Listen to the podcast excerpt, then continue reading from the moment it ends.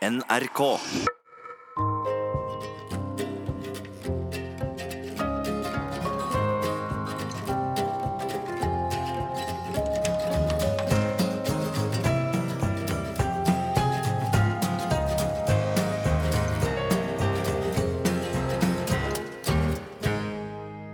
Jævla jøder.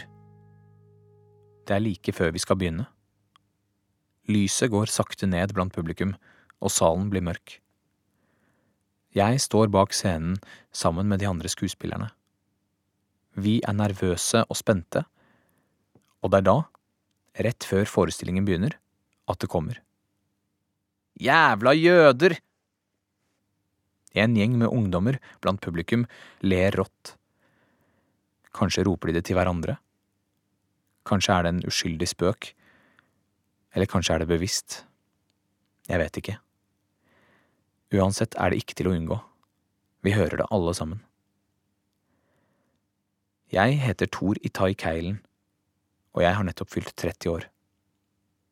Jeg er teaterlærer, instruktør og skuespiller, og er med i teaterforestillingen Utafor på Det Norske Teatret, der fire unge stemmer forteller om sin opplevelse av utenforskap.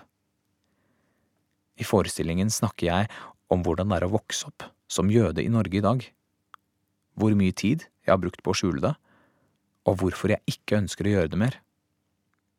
Det er det den neste timen her i sommer i P2 også skal handle om.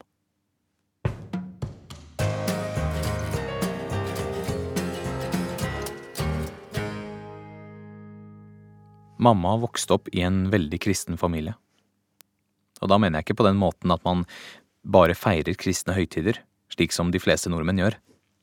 Nei, mormor og morfar, de var virkelig troende. Mamma studerte bibelhebraisk på universitetet, og hun reiste med noen studievenninner til Israel for å oppleve Det hellige land. Hun reiste altså til Israel og ble kjent med både språket og kulturen. På en strand i Tel Aviv møtte hun en ung israelsk jøde. Han som noen år senere skulle bli faren min. Pappa har aldri vært spesielt religiøs. Flertallet av jøder i dag er det man kaller sekulære jøder. De står i sterk kontrast til de ortodokse jødene.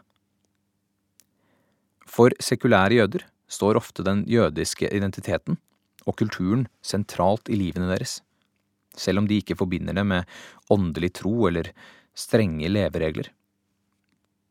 Mange sekulære jøder er ikke engang religiøse, men de kan like gjerne være agnostikere eller ateister.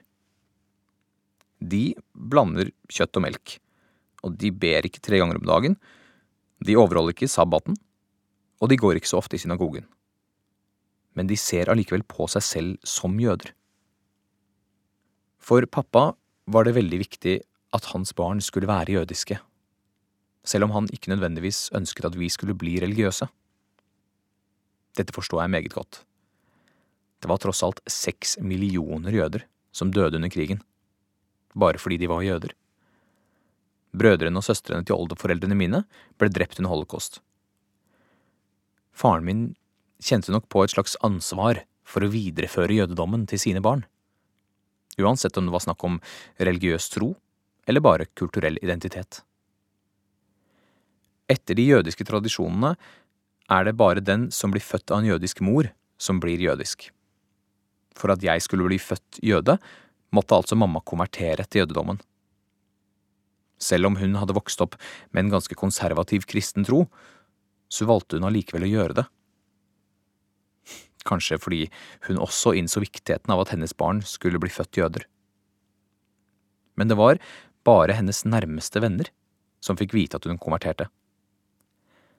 Hun skammet seg kanskje over å si det til folk. Hun var kanskje redd for å bli utstøtt av det kristne miljøet hun hadde vokst opp i. Uansett så valgte hun å holde det skjult. Jeg ble altså født jødisk, men vokste opp uten noen religiøs oppdragelse. Vi har alltid markert de viktigste kristne og de jødiske høytidene hjemme hos oss. Men jeg har aldri satt ordentlig pris på at vi feiret de jødiske høytidene før nå, i voksen alder. Det er noe spesielt med de jødiske høytidene, synes jeg. Alle tradisjonene er knyttet til å vise takknemlighet og respekt til våre jødiske forfedre. Det synes jeg er en fin tanke. Den viktigste høytiden for oss, Pesach, foregår nesten samtidig som den kristne påsken. Denne høytiden er omtrent like viktig for jøder som jula er for kristne. Hele familien samles til et stort måltid, og vi minnes hvordan våre jødiske forfedre unnslapp slaveriet i Egypt rundt 1300 år før Kristus.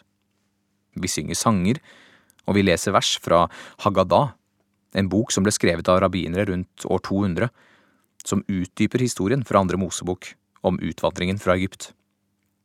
Vi reiser ofte til Israel for å feire Pesach sammen med pappas side av familien. Under Pesach skal man spise ugjæra brød. Det er for å minnes at jødene måtte forlate Egypt i hastverk, og derfor ikke hadde tid til å heve brødet før de dro. Det brødet vi spiser, kalles matza. Det minner bitte litt om norsk flatbrød. En av Pesach-tradisjonene jeg likte best som barn, var da onkelen min gjemte en halv matza et sted i huset, og vi barna skulle gå rundt og lete etter denne biten, som blir kalt afikoman. Litt som å prøve å finne mandelen i grøten, egentlig. Jeg husker spesielt godt ett år da selve Pesach-kvelden havna på bursdagen min. Tilfeldigvis ble jeg den som fant afikomanen også. Kanskje var det noen som lot meg finne den, men jeg følte meg i hvert fall veldig heldig. Onkelen min sa at jeg kunne ønske meg absolutt hva jeg ville. Jeg ønsket meg en hånddukke. En katt som man kunne ta på hånda og spille barneteater med. Tenk av alle ting i verden. Jeg har den fremdeles. I dag ligger den på loftet hos mamma og pappa. Da jeg begynte på barneskolen i Norge, la jeg ikke skjul på at jeg var født i Israel. Da andre barn eller lærere spurte meg hvor navnet mitt Itai stammer fra, så fortalte jeg at det var hebraisk. Jeg husker flere i klassen gjorde narr av navnet mitt. Tori Tai Ostepai. I sjette klasse dro klassen min på leirskole. Første dagen der ble det hengt opp en lapp over de ulike ordensoppgavene og hvem som skulle ha ansvar for hva. Og der, blant alle andres navn, sto mitt. Thor Hai. Til bursdagen min i syvende klasse fikk jeg en CD av en i klassen. Han hadde printet ut en stor hai som var limt på coveret. Men det var jo ikke akkurat mobbing.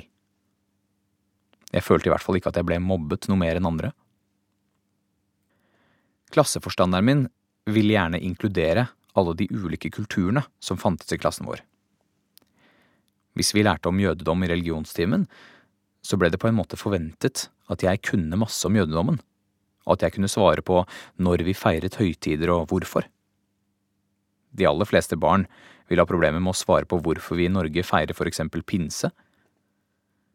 Allikevel synes jeg det var veldig flaut å si at jeg ikke visste.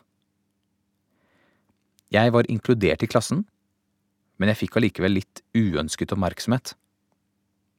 Jeg var liksom litt annerledes enn de andre. Og når man går på barneskolen, vil man jo være så lik de andre som mulig.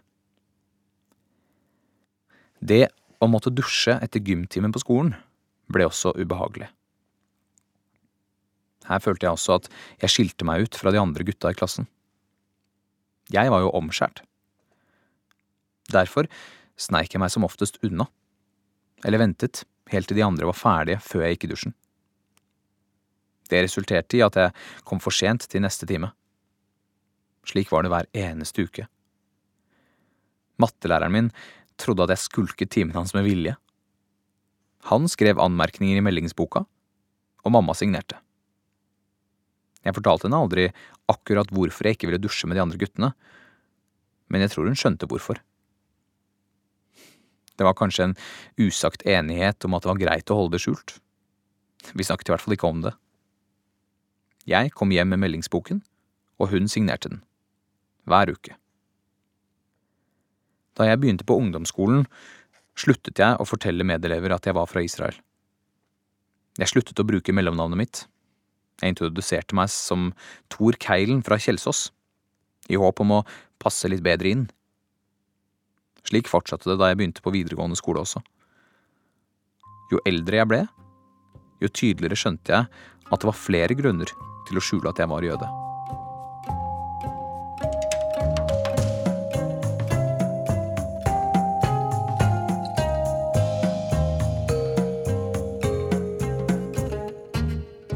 I begynnelsen av 20-årene var jeg lei av å hele tiden måtte skjule hvem jeg var. Jeg bestemte meg for at jeg ville gå med davidsstjernen i et halskjede. Jeg ville vise verden at jeg var stolt av å være jødisk. Ikke fordi jeg var religiøs, men fordi jeg ville fronte en kulturell tilhørighet. Mamma var skeptisk. Hun sa det var å provosere. Men vi bor jo i Norge, ikke i Midtøsten. Dette er et fritt land, og her har vi faktisk både ytringsfrihet og religionsfrihet, sa jeg. Er det verdt å ofre livet for det? spurte mamma.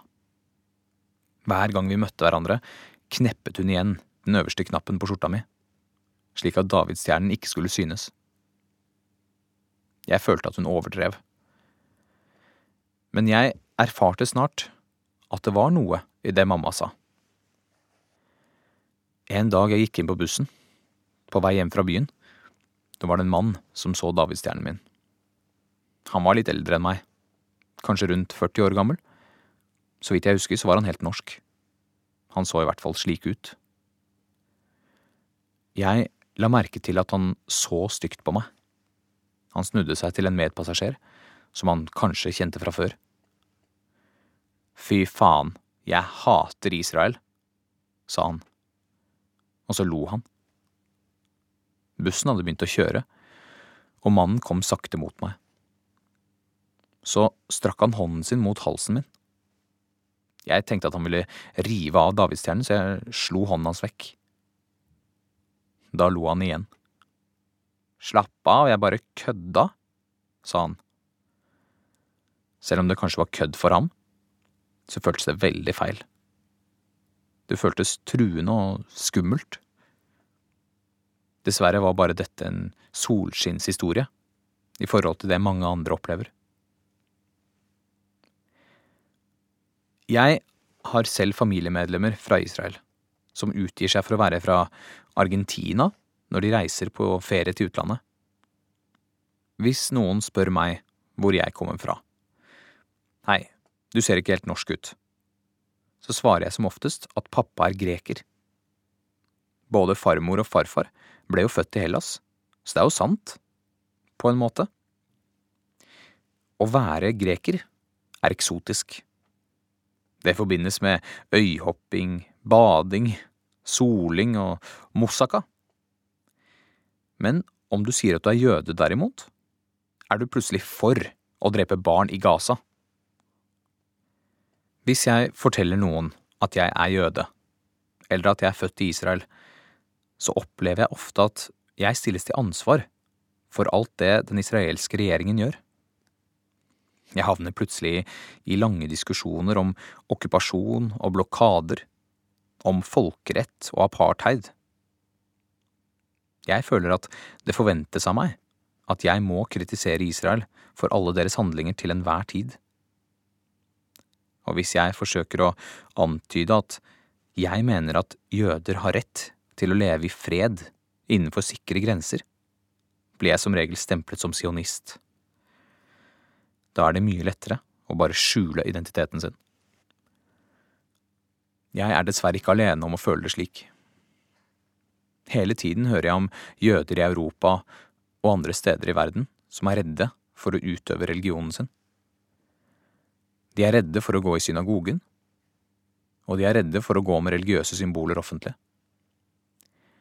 I april i år ble en israeler angrepet på gata i Berlin og pisket med et belte av en fremmed, bare fordi han gikk med en jødisk kippa på hodet. Når jeg av og til hører at folk snakker om Israel, og prøver å delta i samtalen, får jeg ofte et inntrykk av at jeg ikke har noe rett til å uttale meg i diskusjonen. Ha, du har bare blitt hjernevaska. Du inntar bare en offerrolle. Eller du har bare arvet holdningene dine fra faren din.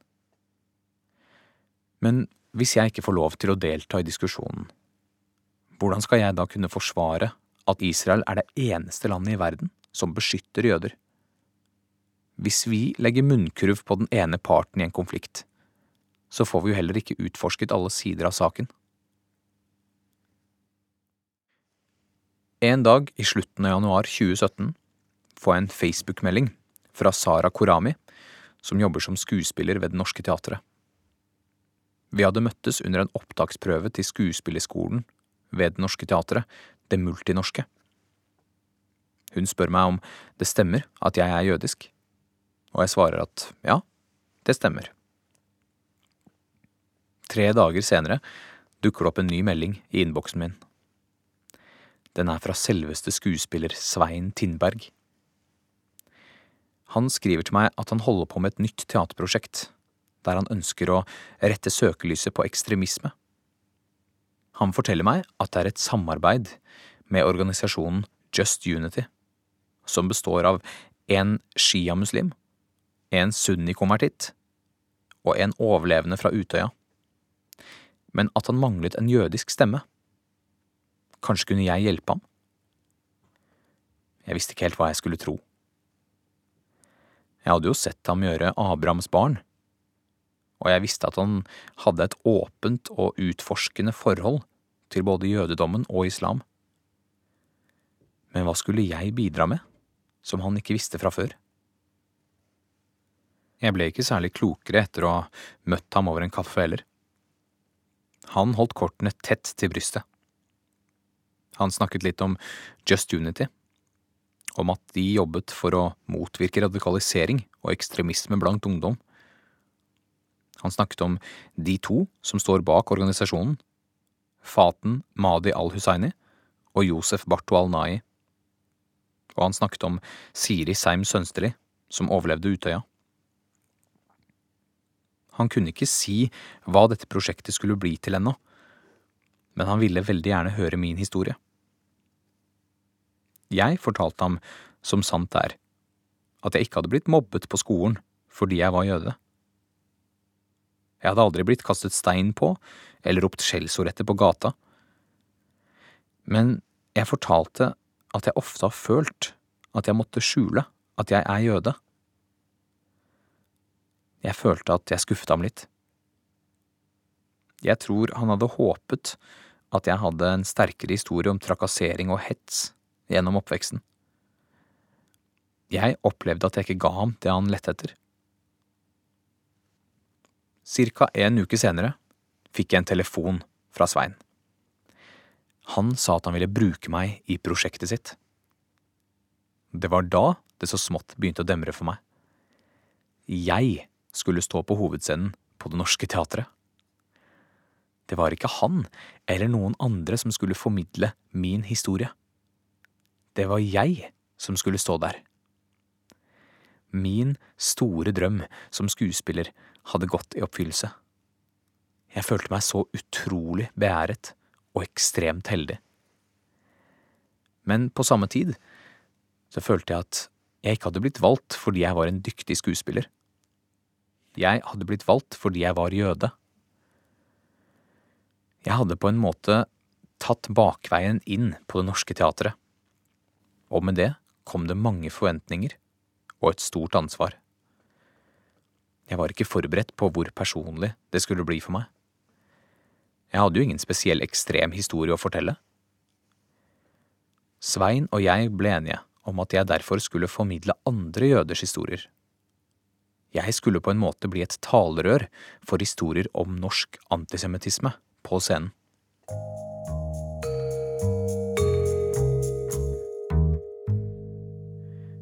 I august 2017 skulle vi på studietur til Jerusalem. En sunnimuslim, en sjiamuslim, en kristen og en jøde skulle reise til hjertet av Midtøsten-konflikten. Det er klart at det skremte meg. Hva ville skje der? Ville Josef, som tidligere medlem av profetens umma, i det hele tatt slippe inn i Israel? Og hva ville Faten, med sin irakiske flyktningebakgrunn og krigshistorie, tenke om alle sikkerhetsspørsmålene fra de israelske sikkerhetsvaktene på flyplassen? Ville de jeg reiser med, se på meg som en representant for okkupasjon og undertrykkelse? Just Unity hadde også blitt advart av en tidligere forstander i det mosaiske trossamfunn om at det å reise til Jerusalem bare ville tydeliggjøre forskjellene mellom oss, og splitte gruppen fremfor å forene oss. Skal si vi motbeviste dem. Svein ble vår turistguide på turen. Han tok oss med til de mest kjente stedene. Selv har jeg vært i Jerusalem to ganger før, men dette var en helt annen opplevelse. Ikke bare fikk vi oppleve spennende ting som jeg aldri hadde vært med på før, men vi ble også mye bedre kjent med hverandre, og jeg begynte å glede meg til å jobbe med dem. Vi ble heller ikke offer for forskjellsbehandling. Faten kom inn til Vestmuren, det viktigste stedet for jøder, og jeg kom inn til Klippemoskeen, den tredje viktigste helligdommen i islam. Hver kveld ble det satt av fire timer til å intervjue en av oss. Slik skulle vi alle få et dypere innblikk i hver enkelts historie i løpet av turen. Det var disse historiene som senere skulle danne grunnlaget til manuset bak forestillingen utafor. Intervjuene med de andre aktørene ble en tankevekker for meg. Jeg hadde aldri hørt historiene deres før og visste egentlig ikke hva de hadde opplevd.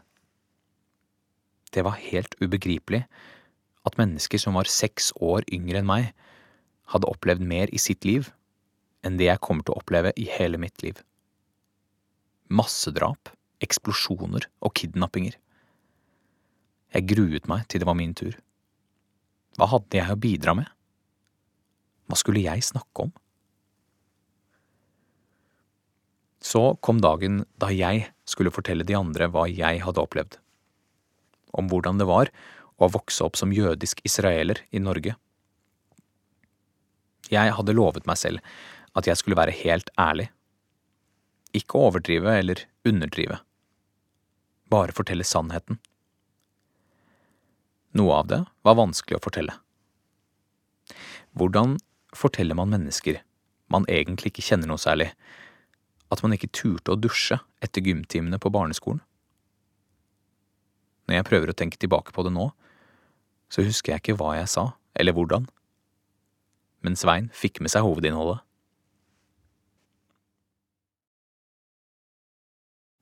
I perioden frem til vi fikk utdelt manuset, ble jeg hele tiden spurt om hva jeg kom til å si på forestillingen.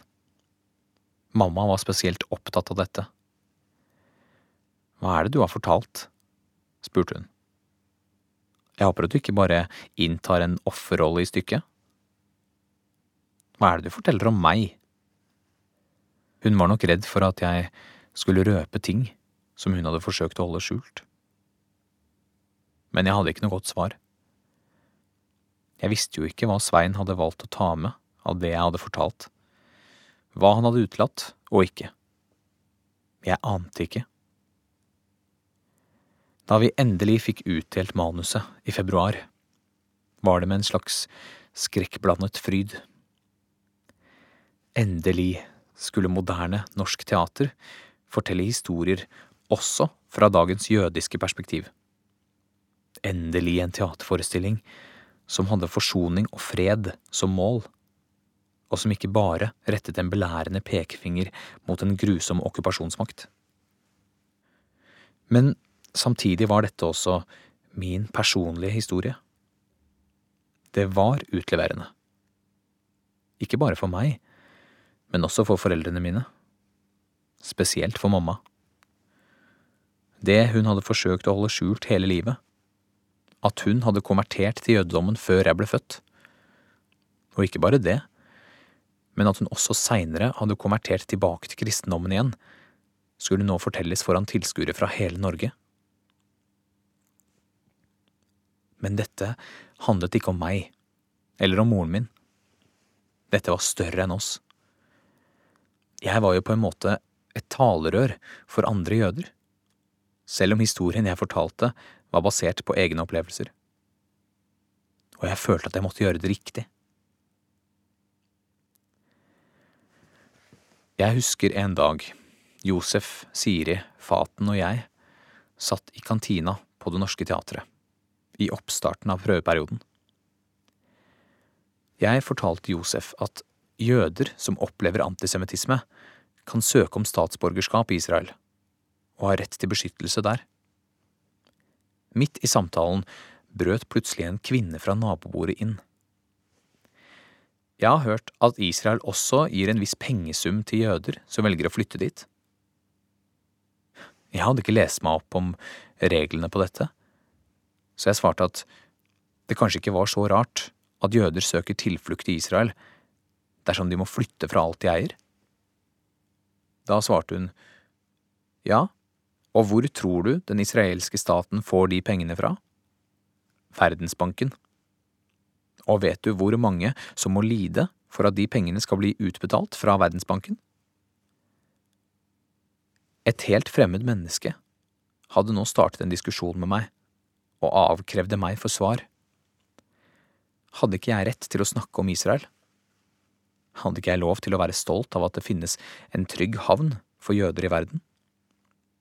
Jeg sto midt oppe i det, og følte at selv her, her hvor Svein Tindberg hadde gitt meg en plattform for å fortelle min historie, ble det kritisert. Plutselig forsto jeg hvor viktig det var å fortelle min historie.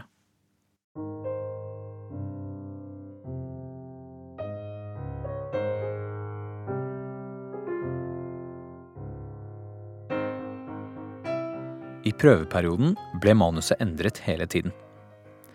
Det foregikk en kontinuerlig prosess mellom oss som skulle stå på scenen, og regissøren i møte med teaterrommet. Som skuespiller har jeg jo jobbet med manus før, jeg har en viss erfaring med dette fra tidligere. Jeg forsøkte å behandle teksten som om den ikke var min egen. Jeg holdt den på en armlengdes avstand. Eller i hvert fall med en viss profesjonell distanse. Kanskje var det en forsvarsmekanisme? Mamma sluttet ikke å spørre etter hva jeg skulle fortelle om i forestillingen. Hvis Faten og Josef fortalte dette og dette, hva kom jeg til å si? Jeg merket at det irriterte meg litt. Det er klart at mamma ville vite hva jeg skulle si, og hva jeg ville røpe. Hadde jeg egentlig rett til å fortelle hennes historie på scenen? På den annen side, hadde hun rett til å diktere hva jeg skulle si eller ikke si? Jeg vurderte mange ganger å bare sende henne manuset slik at hun kunne lese det selv og slutte å stille meg så mange spørsmål. Men jeg gjorde det ikke. Jeg vurderte mange ganger om jeg skulle spørre Svein om å fjerne ting fra historien min, om det var mulig å utelate noe informasjon, slik at jeg kunne få være i fred. Men jeg gjorde det ikke. Jeg tror det var underbevisstheten min som sa at det var viktig at denne historien ble fortalt. To dager før premieren hadde vi en prøveforestilling. Jeg fortalte mamma at det kanskje ville være lurt om hun kom og så prøveforestillingen, slik at hun ikke kom til å få noen overraskelser når hun kom på premieren. Jeg tror nok hun valgte å komme, nettopp for å ikke få sjokk på premieren. Etter forestillingen merket jeg at hun var tydelig påvirket. Jeg hadde røpet hennes livsløgn. Hun var Nora i et dukkehjem, og hadde holdt noe fra fortiden hemmelig. Til tross for at det hun hadde gjort, akkurat som Nora, ikke var noe ondskapsfullt, men tvert imot var noe positivt, så skammet hun seg. Hun sendte meg en Facebook-melding rett før generalprøven, der hun skrev Alt du sier er sant, men må virkelig hele Norge få vite om det? Jeg endret ikke på manuset. Jeg forklarte mamma at denne historien var viktigere enn både min og hennes historie. Den handler om noe større enn enkelthistoriene våre. Den handler om tendenser i det norske samfunnet. Den handler om å virkelig se hverandre, ikke bare tro noe om hverandre. Det er naivt å tro at man er fordomsfri. Fordommer finnes i hele det norske samfunnet, og det er vårt ansvar å ta et oppgjør med dette. Jeg tror hun forsto hva jeg mente. Selv om det sagt langt inne, så var hun enig med meg. Hvis jeg ikke fortalte historien, hvem skulle da gjøre det? Jævla jøder! Bråket fra ungdommene har dempet seg i salen på Det Norske Teatret. Nå sitter de aller fleste elevene som tente lys og følger intenst med på forestillingen. Faten har nettopp fengslet publikum med sin ungdommelige måte å snakke på, og hennes ufattelige sterke historie om norsk fremmedfrykt. Nå er det min tur til å fortelle min historie. Hjertet banker så sterkt at jeg kjenner det på utsiden av skjorta. Jeg er så lei. Jeg er så lei av å prøve å passe inn. Jeg er så lei av alle jødevitsene om hvor mange jøder er som går inn i en folkevogn. Jeg er så lei av alle konspirasjonsteoriene om jødiske nettverk over hele verden. At holocaust aldri har skjedd. At Obama vant presidentvalget i USA takket være jødemafiaen. At Jens Stoltenberg er jøde. Jeg har til og med lest at Siv Jensen er jøde nå. Vi kan jo ikke ha det sånn. Vi lever i 2018, ikke i steinalderen. I ettertid av forestillingen, og spesielt når den er blitt så godt mottatt, har jeg begynt å reflektere over hvordan det har påvirket meg å være med utafor. Jeg må jo innrømme at mange av mine egne fordommer har blitt knust og revet i fillebiter. Jeg har ikke bare møtt noen av de modigste og ærligste menneskene jeg noensinne kommer til å bli kjent med, men jeg har også fått venner for livet. Inkludert to muslimske venner. Det er også noe nytt. Vi i Utafor har blitt sammensveiset på en helt unik måte.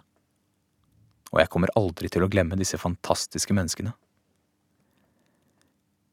Jeg har også selv blitt mer bevisst min egen jødiske tilhørighet. Jeg føler meg ikke mer åndelig eller religiøs etter dette, men jeg har kanskje fått et større ønske om å videreføre den jødiske kulturarven til mine etterkommere. Om kort tid venter jeg en datter, og det er blitt veldig viktig for meg at hun også skal ha en jødisk tilhørighet. Jeg håper virkelig at både hun og andre jøder i neste generasjon skal vokse opp i et litt mer forståelsesfullt og litt mer inkluderende samfunn, der det også skal være greit å være jøde.